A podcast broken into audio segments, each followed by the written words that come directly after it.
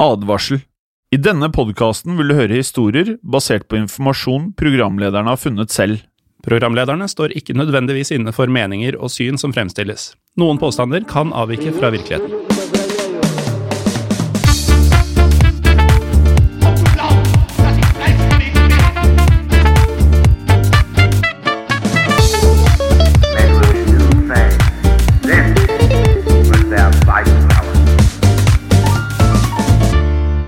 Og velkommen til denne episoden av Historiepodden andre verdenskrig.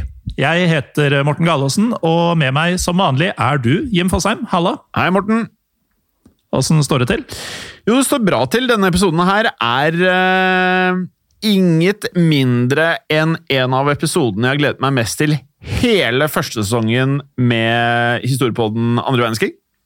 Ja, Vi eh, hadde jo en liten diskusjon tidligere i dag på hvilken vi skulle spille inn, og du var veldig kjapp med å trekke fram akkurat den her. Ja, for det er uh, Altså, når du har uh, nazist og ufo i tittelen på podkastepisoden, så skjønner man jo at det blir ganske vilt.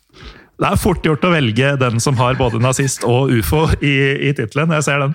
Uh, og og det, er jo, det er jo mange historier fra krigen om utvikling av diverse våpen. Uh, det var jo eh, en kontinuerlig kamp om å skape nye, fantastiske våpen som, uh, som skulle skremme vannet av fiendene sine.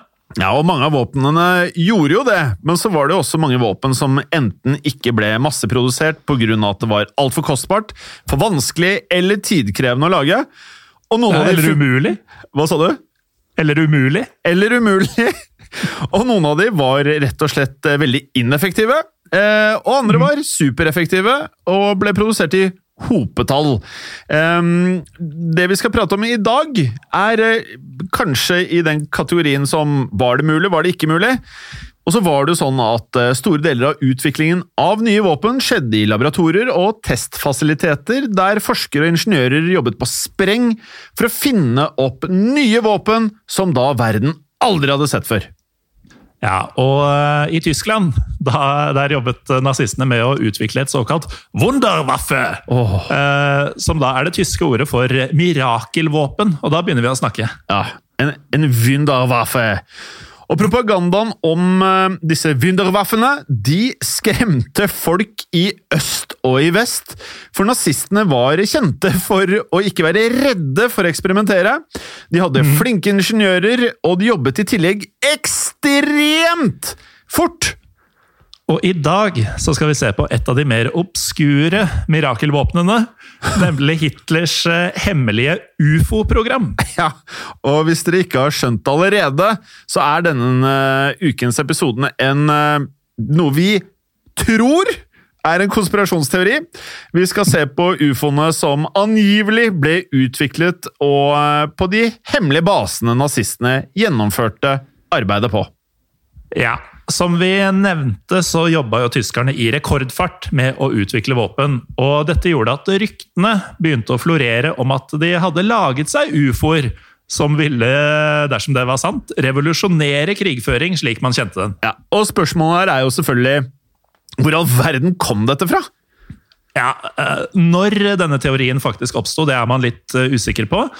Men eh, den kan ha spredt seg allerede under krigens første dager. Ja, og selv om mange av tyskernes eh, oppfinnelser ble skrinlagt selvfølgelig under utviklingen, var det ikke umulig at de hadde funnet opp en type teknologi som gjorde at en bygging av en slags ufo var utenkelig.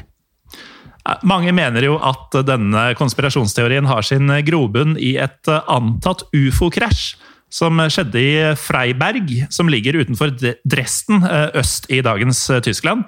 Den uh, tyske forfatteren Jan van Helsing han skrev om en hendelse i 1936 som gjorde at folk begynte å klø seg i hodet i ren forundring. Ja, Van Helsing skrev om innbyggerne i Freiberg som hadde våknet opp til noe som hørtes ut som et gigantisk flykrasj.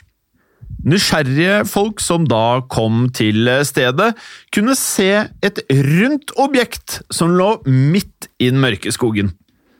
Og visstnok så skal det ha dukket opp eh, offiserer fra Schutzstaffel, oh. nazistpartiets paramilitære organisasjon, eh, kort tid etter dette krasjet. Og disse SS-offiserene sørget da for at objektet ble fjernet, og litt senere var det som om ingenting hadde skjedd. Ja. Van Helsing trodde at eh, SS-offiserene i samarbeid med selskapene Tule og Vril hadde forsøkt å forstå seg på teknologien, og sammen ville de plukke den fra hverandre, for deretter å lage noe lignende selv. Dette er vel på godt norsk kalt eh, omvendt konstruksjon. Ja. Thule-selskapet var en gruppe innflytelsesrike personer som alle delte sterke antisemittistiske holdninger. Gruppen besto først og fremst av medlemmer som var advokater, de var leger, forretningsmenn, også aristokrater og vitenskapsmenn. Og Gruppen hadde angivelig rundt 1700 medlemmer, og rundt 250 av disse oppholdt seg i Munich.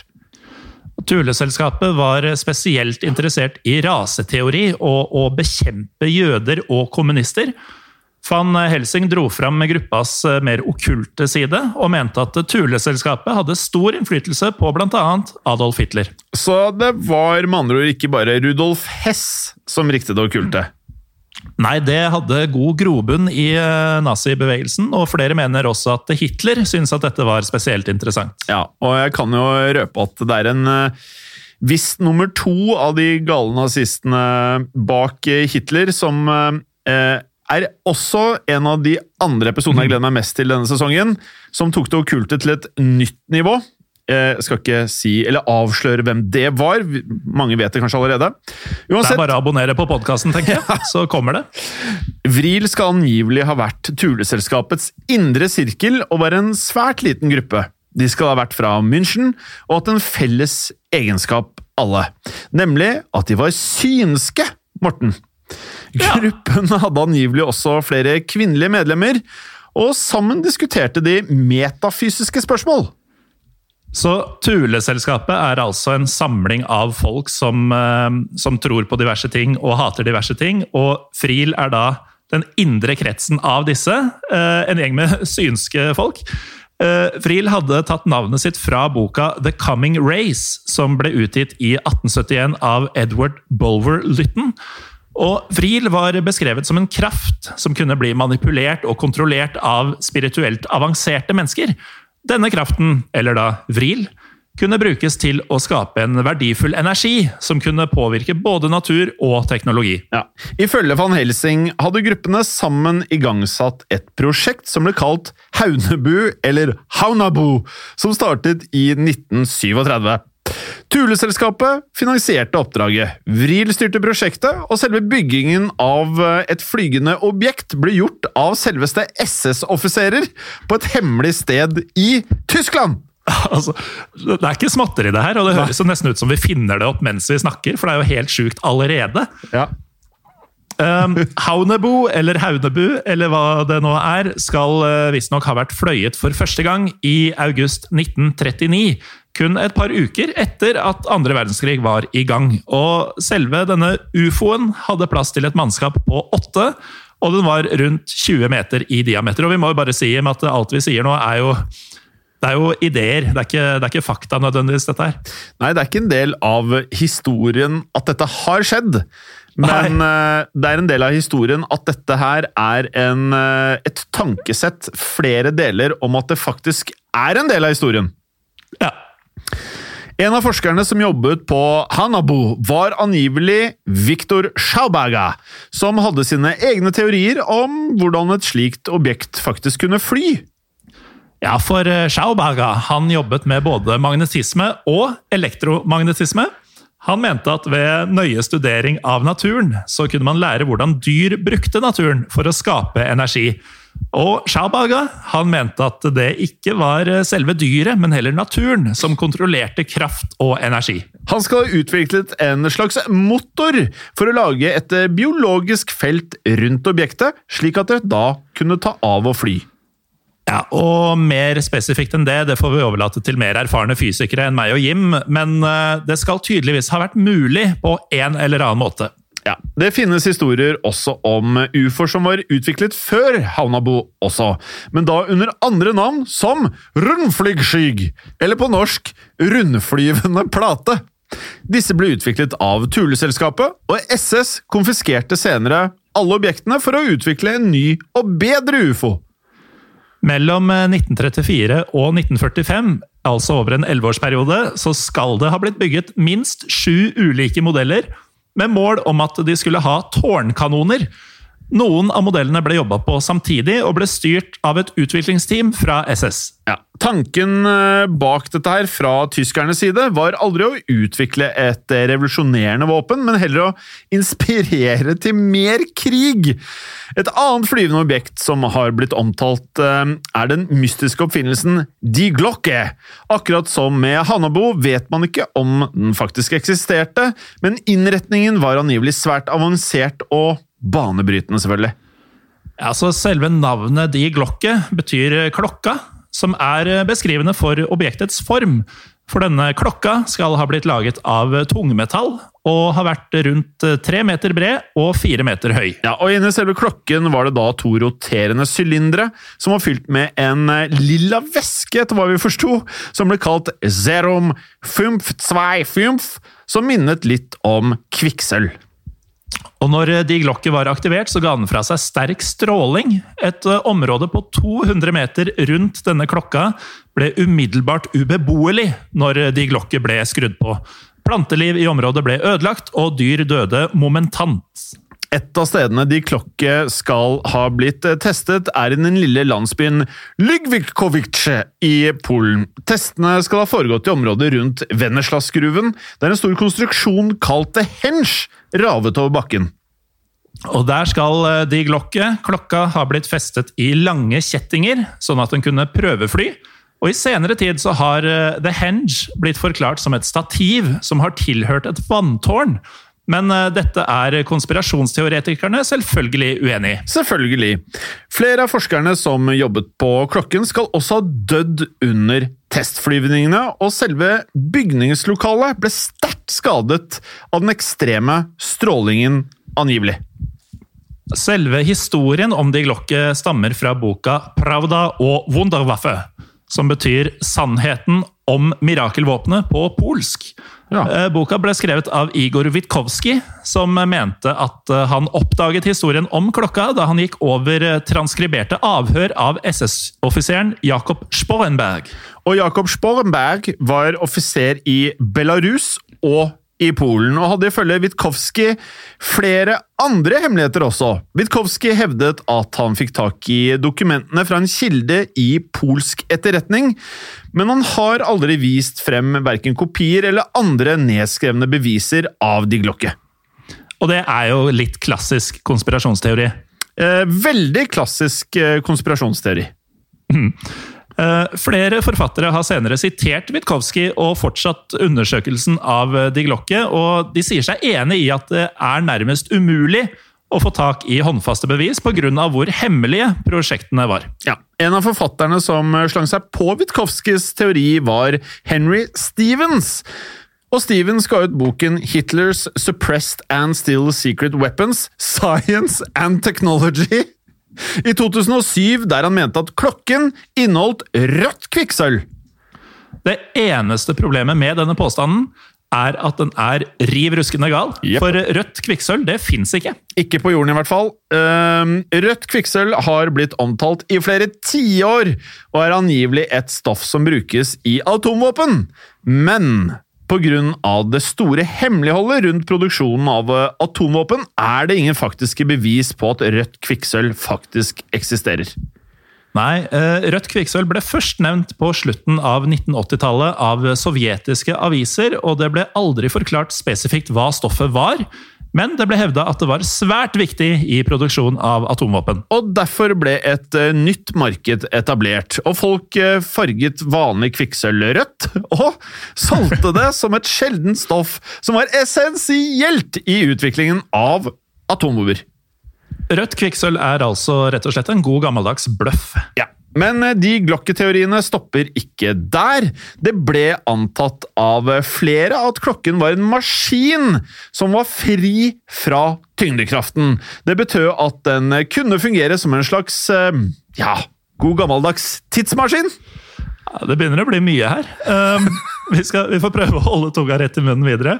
Eh, Henry Stevens skrev i boka si at eh, denne klokka hadde et konkavt speil i toppen, slik at man kunne se hendelser fra fortiden. Ja, og selv om eh, ideen høres ganske gæren ut, kan det være noe i den. For teknisk sett er tidsreise mulig, etter hva vi har forstått, men er langt ifra den typen vi ser i filmer som jeg liker veldig godt, som Back to the Future. Ja, altså Albert Einstein hadde jo flere teorier som på noen måter støtter denne påstanden. Eh, teorien om spesiell relativitet den sier at tiden bremser eller øker, avhengig av hvor raskt du beveger deg i forhold til noe annet. Ja, Et eksempel er eh, hvis man har eh, to tvillinger, og den ene er i et romskip, mens den andre ligger på sofaen hjemme. Vil personen i romskipet bli eldre saktere enn tvillingen hjemme? Jeg repeterer, bare sånn at man holder tunga Ja, rett i munnen. det tror jeg vi trenger. Personen i romskipet blir eldre saktere enn tvillingen hjemme. Ja. Og Einsteins teori om generell relativitet sier at tyngdekraften kan bøye tiden. Ja. Og da er jo poenget jo raskere du reiser, jo saktere opplever du tiden. Ja, Så når du sitter på et fly, for eksempel, vil du oppleve en form for tidsreise, selv om klokken går som normalt. Ja, For tiden oppleves saktere, selv om den går i normalt tempo. Ja, Men det er snakk om så lite at eh, man antageligvis ikke vil merke noe til dette, her, så derfor er tidsreiser eh, mer noe vi forbinder med interessante filmer. Ja, Så nok om det, tenker jeg. Utover dette så finnes det flere teorier om hva som skal ha skjedd med klokka, altså de glokke, etter andre verdenskrig. For Witkowski selv han mente at klokka ble tatt med til Sør-Amerika, mens andre mener at SS-offiseren Hans Kamla tok den med seg til USA. Hans Kamla var general i SS og også ingeniør, og var ansvarlig for flere av deres mest avanserte våpenprogrammer. Han ledet blant annet en episode fra eh, vanlig historiepodden, V1 og V2-programmene, som da jobbet med å utvikle missiler. Fjernstyrte missiler. Kamla han skal ha forsvunnet etter krigens slutt, og noen hevder også at han brukte klokka for å flykte. Ja, Ifølge denne teorien skal Kamla ha landet i Kecksburg i USA, der han da slo seg ned. Denne påstanden har blitt støttet av flere forfattere, som da mener at dette kan forklare hvorfor en ufo ble observert av flere tusen mennesker i 1965. Denne hendelsen skjedde tidlig i desember, og øyenvitner meldte inn om en stor ildkule på himmelen i seks ulike stater i USA og i to byer i Canada. Ja. Astronomer på sin side forklarer hendelsen som en meteor som hadde brent opp i atmosfæren.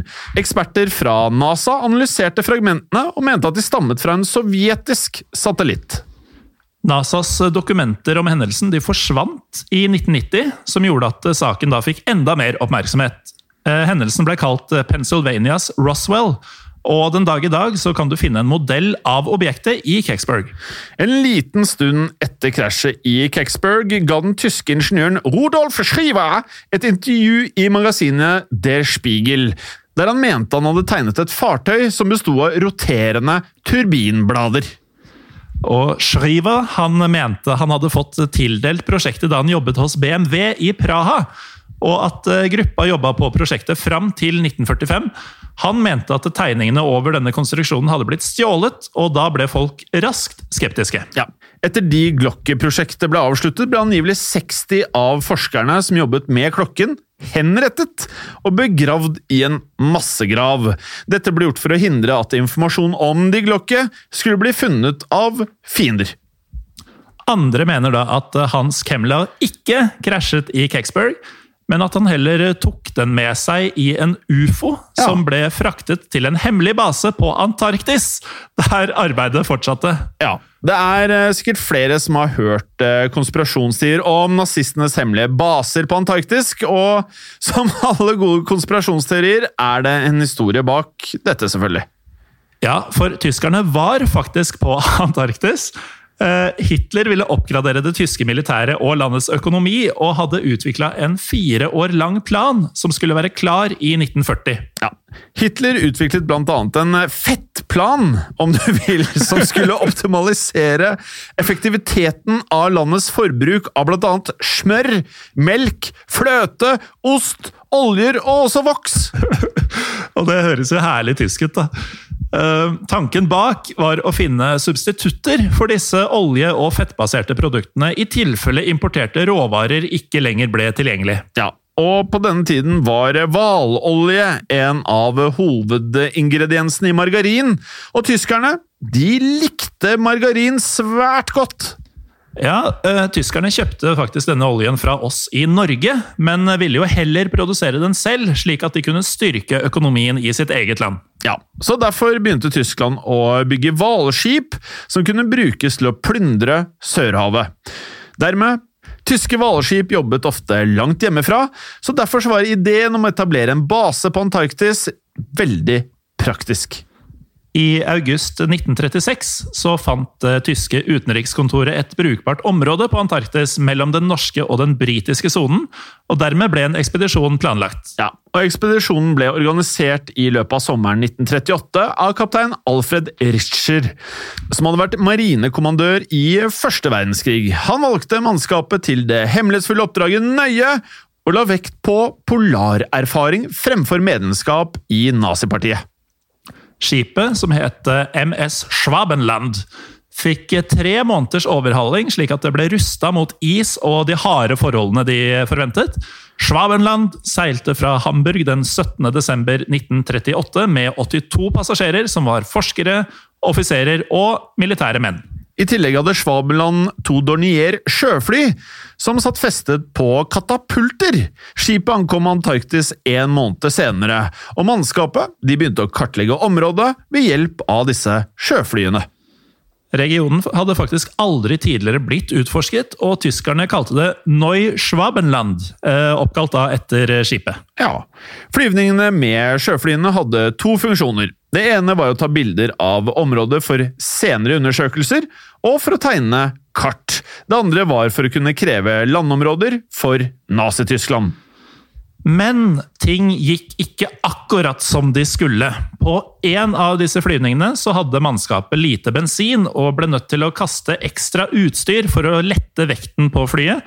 Dette inkluderte bokser med små hakekors i metall, som egentlig var ment til å legge ut i havet for å sette grenser der naziterritoriet begynte.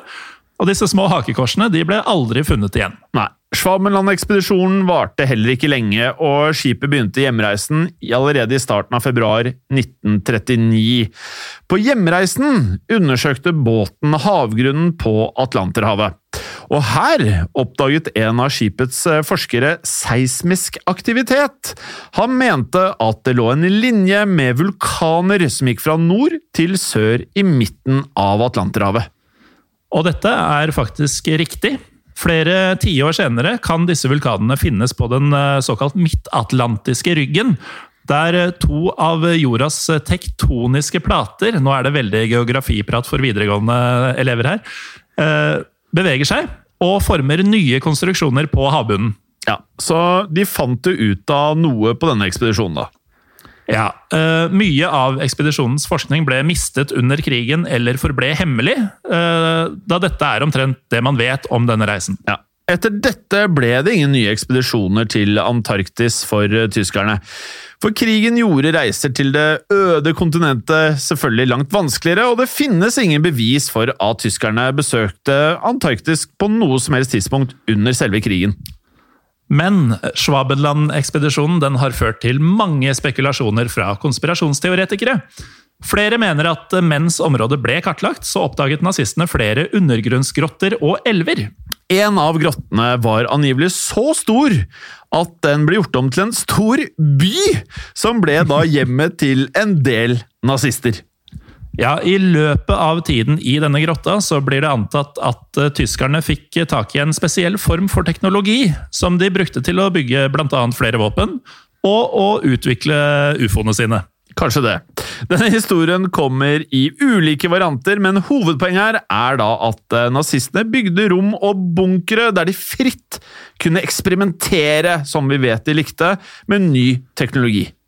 Og En viktig grunn til at denne teorien har gjort inntrykk på flere, er at den baserer seg på at folk flest rett og slett ikke vet hva som foregår, eller har foregått på Antarktis, for dette er jo et eh, enormt landområde med et ordentlig røft klima. Ja. Og for um, den som ikke kanskje er så bereist i Antarktis, så er gjennomsnittstemperaturen der rundt 40 minus. Ja, og det er nok for meg til å vite at det ikke blir prioritert når verden åpner igjen. Um, mye av Antarktis er eh, faktisk enda ikke utforska, selv den dag i dag, og folk flest vet da generelt lite om kontinentet. Noen mener selvfølgelig da at tyskerne definitivt bygde baser på Antarktis, og at USA sendte Operation High Jump til Antarktis mellom 1946 og 1947 for å ødelegge basene. Ja, og vi vet at eh, Operation High Jump var en faktisk ekspedisjon, men eh, om målet deres faktisk var å ødelegge nazistbaser, det er en litt annen sak. Ja, for Operation High Jump ble ledet av Richard E. Beard, og foregikk mellom august 1944 og februar 1947. Ekspedisjonen hadde mer enn 4000 mann, 13 skip og 25 fly. Gruppen etablerte en base og testet utstyr i meget hardt vær, har vi forstått. Ja, og Gruppa tok bilder av kysten, og nesten en fjerdedel av det som ble fotografert, var aldri sett før. De testa også ut klær, utstyr og brensel som egnet seg for spesielt kaldt vær. Og kanskje de fikk tatt noen bilder av noen ufoer også? Kanskje? Flere som tror på Hitlers eh, antarktiske baser, mener at et godt argument er Antarktistraktaten. Flere spekulerer i hvorfor Tyskland sa seg enig i å bli med i nettopp denne. Ja, for denne traktaten gjør Antarktis til en forskningssone, som gjør at området ikke kan være mål for bomber eller missiler. Ja, Konspirasjonsteoretikerne mener at Tyskland signerte denne for å unngå at andre nasjoner kunne besøke Antarktis, og tilfeldigvis komme over en undergrunnsbase og finne informasjon de ikke skulle få tak i. I eh, senere tid så har jo teoriene om Hitlers hemmelige ufoer eh, levd sitt eget liv. Noen mener at den såkalte basen på Antarktis fortsatt opererer som normalt, og at ufoer blir testfløyet nå og da. Ja, dette har eh, skapt en enorm kultur rundt å søke på Google Maps på Antarktis eh, sin overflate, og da lete etter hull og krasjede skip. Å, nå fikk jeg ideer i huet her på hva jeg skal drive med på fritida, men uh, vi får fullføre dette først. Senest i desember 2020, faktisk veldig nylig, så ble det angivelig oppdaget en ufo på Lavoisier Island på Antarktis. Denne ufoen skal ha vært forma som et triangel med tykke ender og en bue i midten. Og den skal ha vært metallisk i fargen og befunnet seg i et område over en mystisk base. Det skal eh, kun ha vært mulig å se objektet pga. smeltende snø og is, som da avslørte ufoer under her.